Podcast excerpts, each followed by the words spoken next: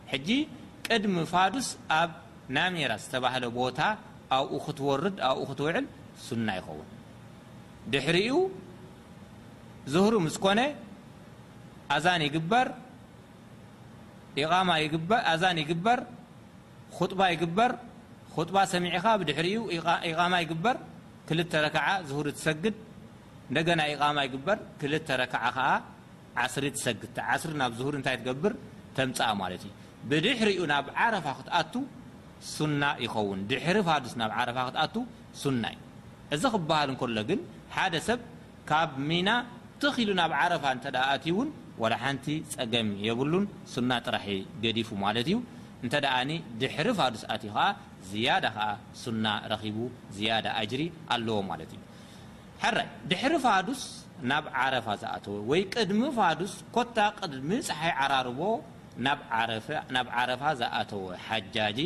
ናይ ግድን ይኸውን ክሳብ ጸሓይ ዓራርቦ ኣብ ዓረፋ ክውዕል ኣለዎ። ቅድሚ ጸሓይ ዓራርቦ እንተድኣ ወጺኡ ከምቲ ኣቐዲምና ዝገለጽናዮ እንታይ ኣለዎ መቕጻዕቲ በጊዕ ምሕራድ ኣለዎ። ስለዚ ቅድሚ ጸሓይ ዓራርቦ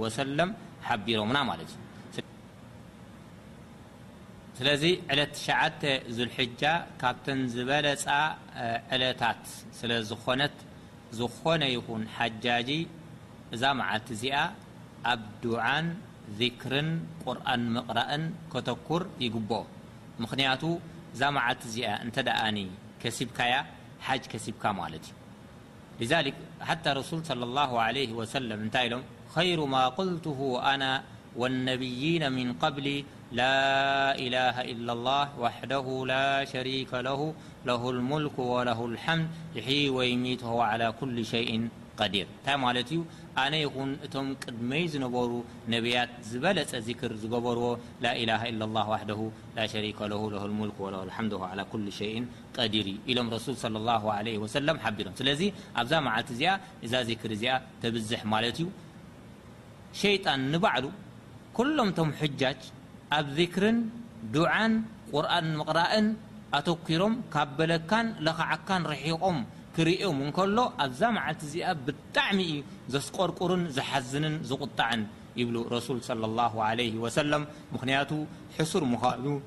ድርባይ ምዃኑ ኣብዛ ሰዓት እዚኣ ይርዳእ ምኽንያቱ ኩሎም እቶም ሑጃጅ ናቱ መገዲ ገዲፎም መገዲ ናይ ረቢ ሱብሓነሁ ወተዓላ ስለዝሓዙን ኣብ ጣዓ ናይ ረቢ ሱብሓነሁ ወተዓላ ስለ ዘተኮሩን ሸይጣን ብጣዕሚ እዩ ዝስምዖ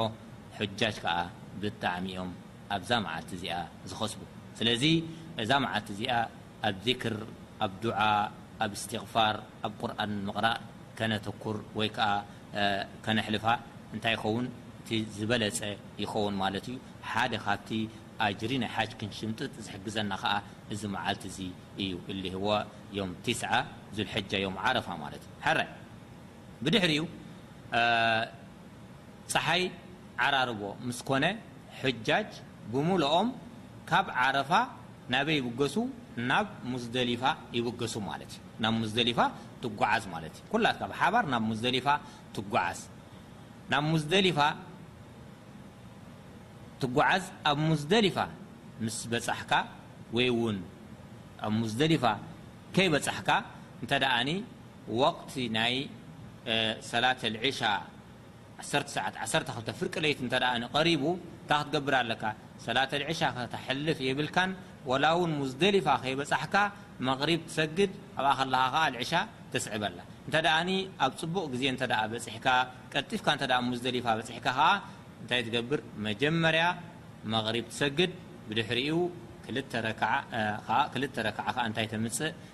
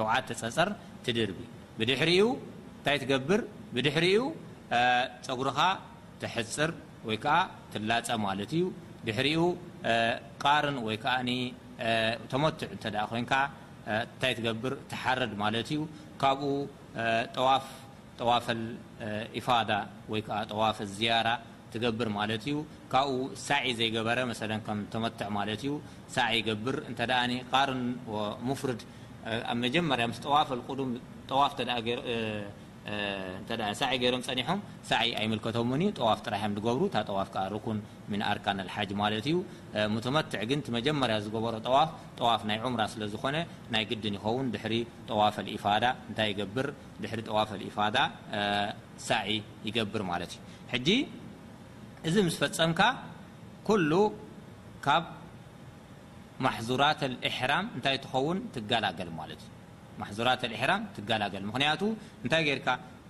ጀመራት ደርቢኻ ጸጉርኻ ኣዕጺርካ ተደኣ ናይ ሃዲ ልካ ሃዲ ሓሪድካ ጠዋፍ ተጌርካ ሳዒ ተጌርካ ካላስ ብድሕሪኡ ማሕዙራት ኣልኢሕራም ብምሉእ እንታይ ኮይኑ ካላስ ካባኻ ተቐንጢጡ ማለት እዩ ክዳንካ ትኽደን ጨናኻ ትብል ጨናኻ ትልከ ጸጉራኻ ክትሰድድ ተደሊኻ ጸጉርኻ ክትቅምቀም ተደሊኻ ትቕምቀም ኮታ ድልየትካ ትገብር ካብ ማሕዙራት ኣልኢሕራም እንታይ ትኸውን ትኽልከል ማለት እዩ እዚ ተሓሉለል ኣሳኒ ተባሂሉ ይጽዋዕ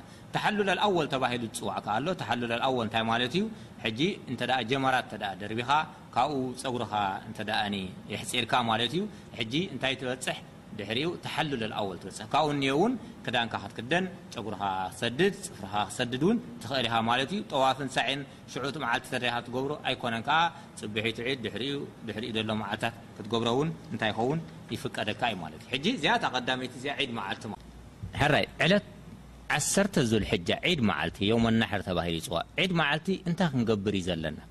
ዒድ መዓልቲ ሓሙሽተ ስራሕ እዩ ዝጽበየና ዘሎ። ንሳቶም ከኣ፣ ቀዳማይ ጸጸር ምድርባይ። ጸጸር ምድርባይ ክበሃል እንከሎ፣ ቀዳመይቲ ዒድ ጠብዓን ከምቲ ኣቐዲምና ዝገለጽናዮ ሸውዓተ ጸጸር ጥራሕ ኢኻ ትድርቢ። እንታይ ትገብር? ንተን ሸውዓተ ጸጸር ኣኪብካ ሓንቲ ብሓንቲ ኣላሁ ኣክበር ኣላሁ ኣክበር እንዳበልካ ትድርብየን ማለት እዩ። ክትድርቢ እንከለኻ ከኣ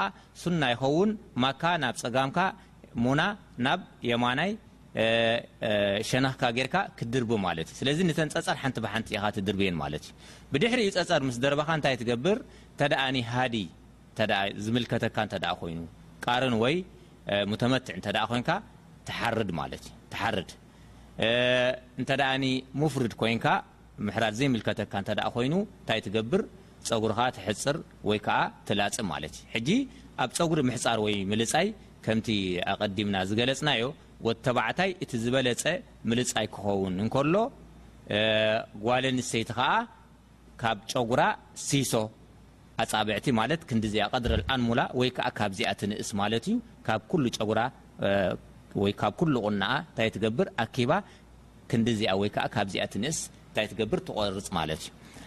ብድሕሪኡ ድሕሪ ጸጉሪ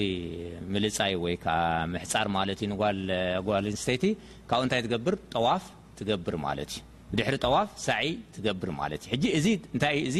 ቅድመ ተኸተል እንተ ክትገብሮ ደሊኻ እቲ ዝበለጸ ማለት እዩ ምክንያቱ ረሱል ሰለላሁ ዐለይሂ ወሰለም መጀመርያ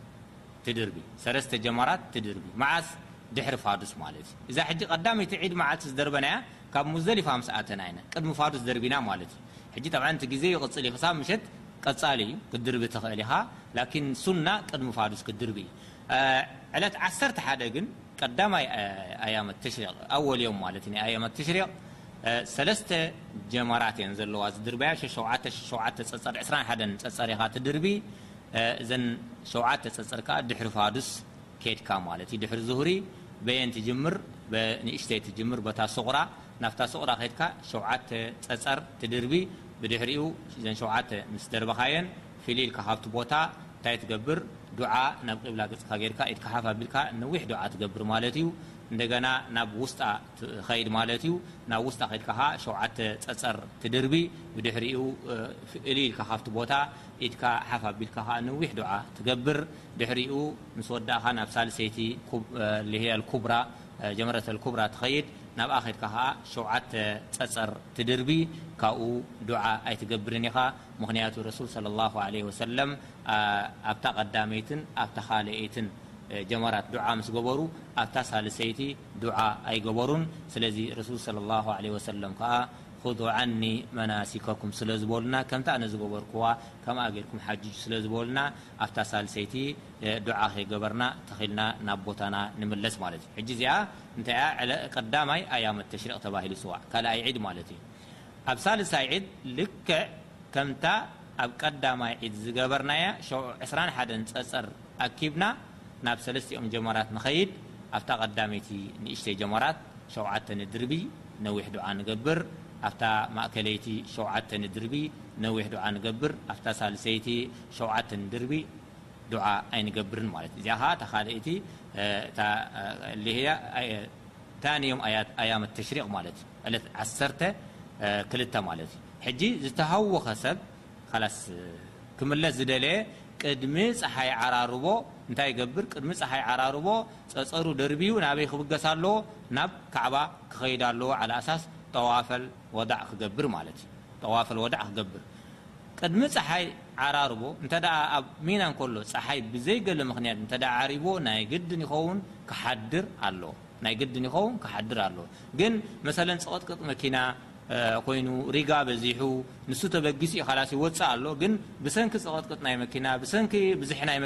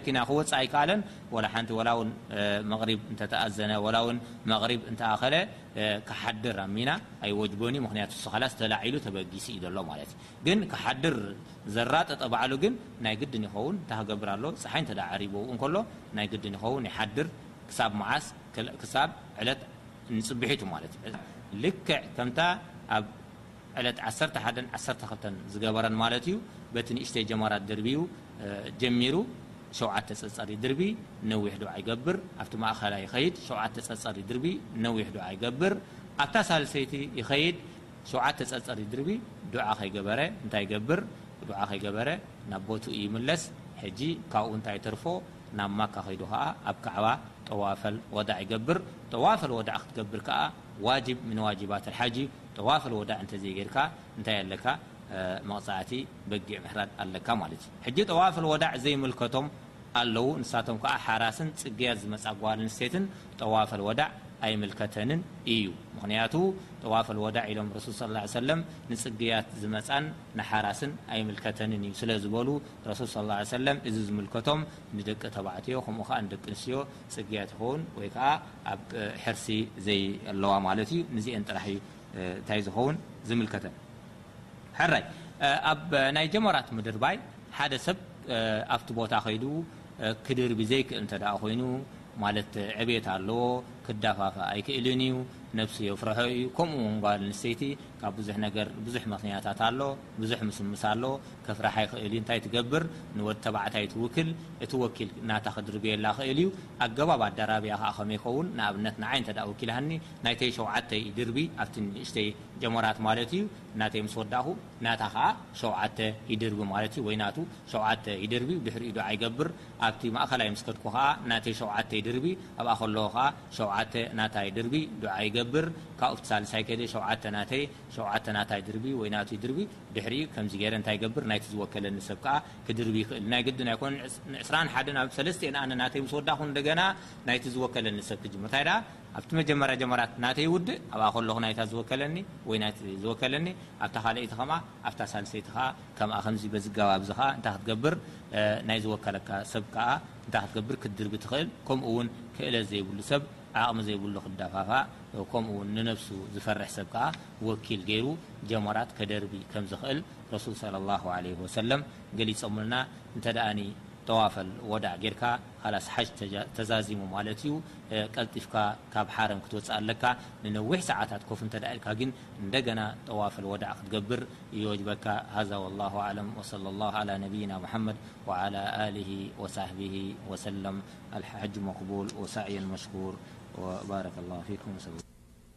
ብስሚላህ ወልሓምዱሊላህ ወሰላቱ ወሰላም ዓላ ኣሽረፊል ኣንብያእ ወልሙርሰሊን ነብይና ሙሓመድን ወዓላ ኣሊሂ ወሳሕቢሂ ወሰለመ ተስሊመን ከሲራ ኣማ ባዕድ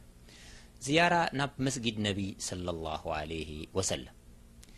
ዝያራ ናብ መስጊድ ነብይ ሰለላሁ ዓለይሂ ወሰለም ምግባር ምስ ሓጅ ፈጺሙ ዝምድና የብሉን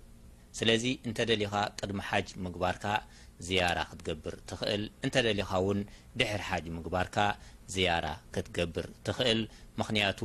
ሓደ ካብቶም ዋጂባት ወይ ከኣ ሓደ ካብቶም መሰረታውያን ኣዕኑድ ናይ ሓጅ ኣይኮነን ስለዚ ረሱል ሰለሏሁ ዓለይሂ ወሰለም ብዛዕባ መስጊዶም ኣመልኪቶም እንታይ ይብሉ ላዩሸዱ ሪሓል ኢላ ኢላ ሰላሳ መሳጅድ መስጂዲ ሃዛ ወመስጂዲል ሐራም ወመስጂዲል ኣቅሳ እንታይ ማለት እዩ ኮነ ኢልካ ዲግ ዝበለ ዑደት ዝያራ ዝግበረሎም መሳጊድ ሰለስተ እዮም ካብኦም ከኣ ሓደ መስጊድ ናተይ እዩ ኢሎም ረሱል ሰለላሁ ዓለይሂ ወሰለም ገሊጾም ስለዚ ዝያራ ንኽትገብር ናብ መስጊድ ነብይ ሰለላሁ ዓለይሂ ወሰለም ክትከይድ ሱና እዩ ማለት እዩ ከምኡ ውን ረሱል ሰለላሁ ዓለይሂ ወሰለም እንታይ ኢሎም ኣብ መስጊድ ናተይ ትገብርዎ ሰላት ሓንቲ ሰላት ካብ ሽሕ ሰላት ኣብ ካልእ መሳጊድ ትሰግድዎ ይበልጽ ከምኡ ውን ኣብ ሓረም ትሰግድዎ ሰላት ካብ ሚእቲ ሽሕ ሰላት ኣብ ካልእ ትሰግድዎ ይበልጽ ስለ ዝበሉ ረሱል ሰለላሁ ዓለይሂ ወሰለም ነዚ ሽሕ ኣጅሪ እዚ ወይ ነዚ ሽሕ ሰላት እዚ እንታይ ንምግባር ንምሽምጣጥ ከኣ ናብ መስጊድ ነብይ ሰለላሁ ዓለይሂ ወሰለም ከድና ኣብኡ ክንሰግድ እንታይ ይኸውን ሱና ይኸውን ማለት እዩ። ግርም ሕጂ ናብ መዲና በጺሕና ናብ መስጊድ ረሱል ሰለላሁ ዓለይሂ ወሰለም ንኸይድ ውዱእ እንተዘይብልና ውዱእ ንገብር ማለት እዩ ብድሕሪኡ ኣብ መስጊድ ምስ በጻሕና የማናይ እግርና ኣምሪሕና ዱዓ ናይ መስጊድ ምእታው ንገብር እንታይ ንብል ቢስሚላህ ወሰላቱ ወሰላም ዓላ ረሱሊላህ ኣላሁመ እግፊርሊ ወፍታሕሊ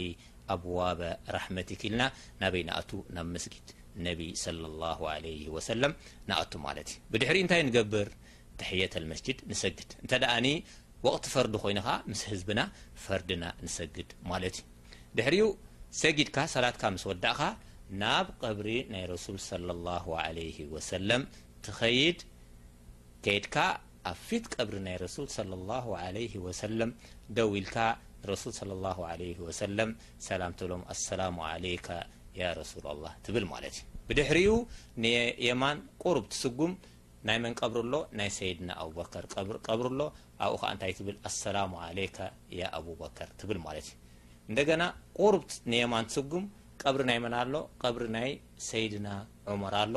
ንኣኡ ምስ በጻሕካ ከኣ እንታይ ትብል ኣሰላሙ ዓለይከ ያ ዑመር ትብል ስለዚ ከምዚ ጌርካ ምስ ወዳእካ ዱዓ ክትገብር እንተ ደኣ ደሊኻ ካብቲ ቀብሪ ለጊስካ ናብ ቂብላ ገጽካ ጌርካ ናብ ሓደ ረቢ ስብሓነሁ ወተዓላ ዘድልየካ ዱዓ ትገብር ማለት እዩ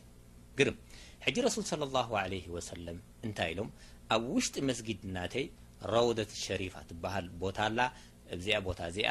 ብዝተኻእለ መጠን እንታይ ክትገብሩ ኣብዛ ቦታ እዚኣ ብዝተኻእለ መጠን ኣጅሪ ክትድልቡ ክትፍትኑ ጽዓሩ ኢሎም ረሱል ሰለሏሁ ዓለይሂ ወሰለም ስለዚ እታ ቦታ እቲኣ ኸኣ እንታይ ንገብር ወላ ሓቲትና ኣበይ ምዃና ፈሊጥና ኣብታ ቦታ እቲኣ ኮይንና እንታይ ንገብር ተጠውዕ ነብዝሕ ኣብኣ ኮይንና ዚክር ነብዝሕ ኣብኣ ኮይንና ቁርኣን ንቐርእ ከምኡውን ኣብኣ ኮይንና ሰላት ዓለ ነቢ ሰለላሁ ዓለይሂ ወሰለም ነብዝሕ ምኽንያቱ ኣብዛ ቦታ እዚኣ ትገብሮ ዝኾነ ይኹን ዚክር ማለት እዩ ስቡሕ ኣጅሪ ካብ ረቢ ስብሓነሁ ወተዓላ የውህበካ ከምኡ ውን ኣብ መስጅድ ነቢ ሰለላሁ ዓለይሂ ወሰለም ክትሰግድ እንከለኻ ልክዕ ከምቲ ኣብ ካልእ መሳጊድ ማለት እዩ ግን ዝያዳ ኣጅሪ ንኽትሓፍስ ምእንቲ ኣብ ቀዳማይ ሰልፊ ክትሰግድ ከዓ እንታይ ትገብር ትፅዕር ማለት እዩ ግርም ካብኡ ናበይ ትኸይድ ካብኡ ናብ መቃብር ናይ ኡሑድ ከምኡ ውን መቃብር ናይ ኡሑድ ከድካ እንታይ ትገብር ኣልባቂዕን ኡሑድን ድበሃል መቃብር ኣሎ ኣብቲ መቃብር እቲ ከድካ ከኣ ንቶም ሙውታት ነቶም ኣብኡ ደለዉ ሸሆዳእ ዱዓ ትገብረሎም ማለት እዩ ካብኡ እንተ ደኣኒ ክኢልካ ኩሉ ግዜ ረሱል ሰለላሁ ዓለይሂ ወሰለም ዝገብርዋ ዝነበሩ ናብ መስጊድ ቁባ ከይዶም ክልተ ረክዓ ይሰግዱ ነይሮም ብዛዕባ እዚ ኣመልኪቶም ከኣ ረሱል ሰለላሁ ዓለይሂ ወሰለም እንታይ ኢሎም እንተ ደኣኒ ካብ ገዛኹም ውዱእ ጌርኩም ተጣሂርኩም ኣብ መስጊድ ቁባ ከይድኩም ክልተ ረክዓ ሰጊድኩም ማዕረ ኣጅሪ ናይ ዑምራ ክትረኽቡ ኢኹም ኢሎም ረሱል ሰለላሁ ዓለይሂ ወሰለም ሓቢሮምና ስለዚ ነዚ ኣጅሪ እዚ ንምኽሳብ ከኣ ካብ ገዛና ካብ ሆቴል ውዱእ ጌርና ናብ መስጂድ ቁባ ከድና ክልተ ረክዓ እንተ ሰጊድና ኣጅሪ ናይ ዑምራ ሓፊዝና ካብ መዲና ናይ ረሱል ሰለላሁ ዓለይሂ ወሰለም ንወጽእ ማለት እዩ ስለዚ ኣብዚኣ ክንርዳእ ዘለና ዝያራ ናብ መስጊድ ነቢይ ሰለላሁ ዓለይሂ ወሰለም ምግባር ምስ ሓጅ ፈጺሙ ዝምድና የብሉን ዝያራ እንተ ጌርካ እቲ ዝገለጽክዎ ኣጅሪ ሓፊዝካ ካብ መስጊድ ናይ ነቢይ ሰለላሁ ዓለይሂ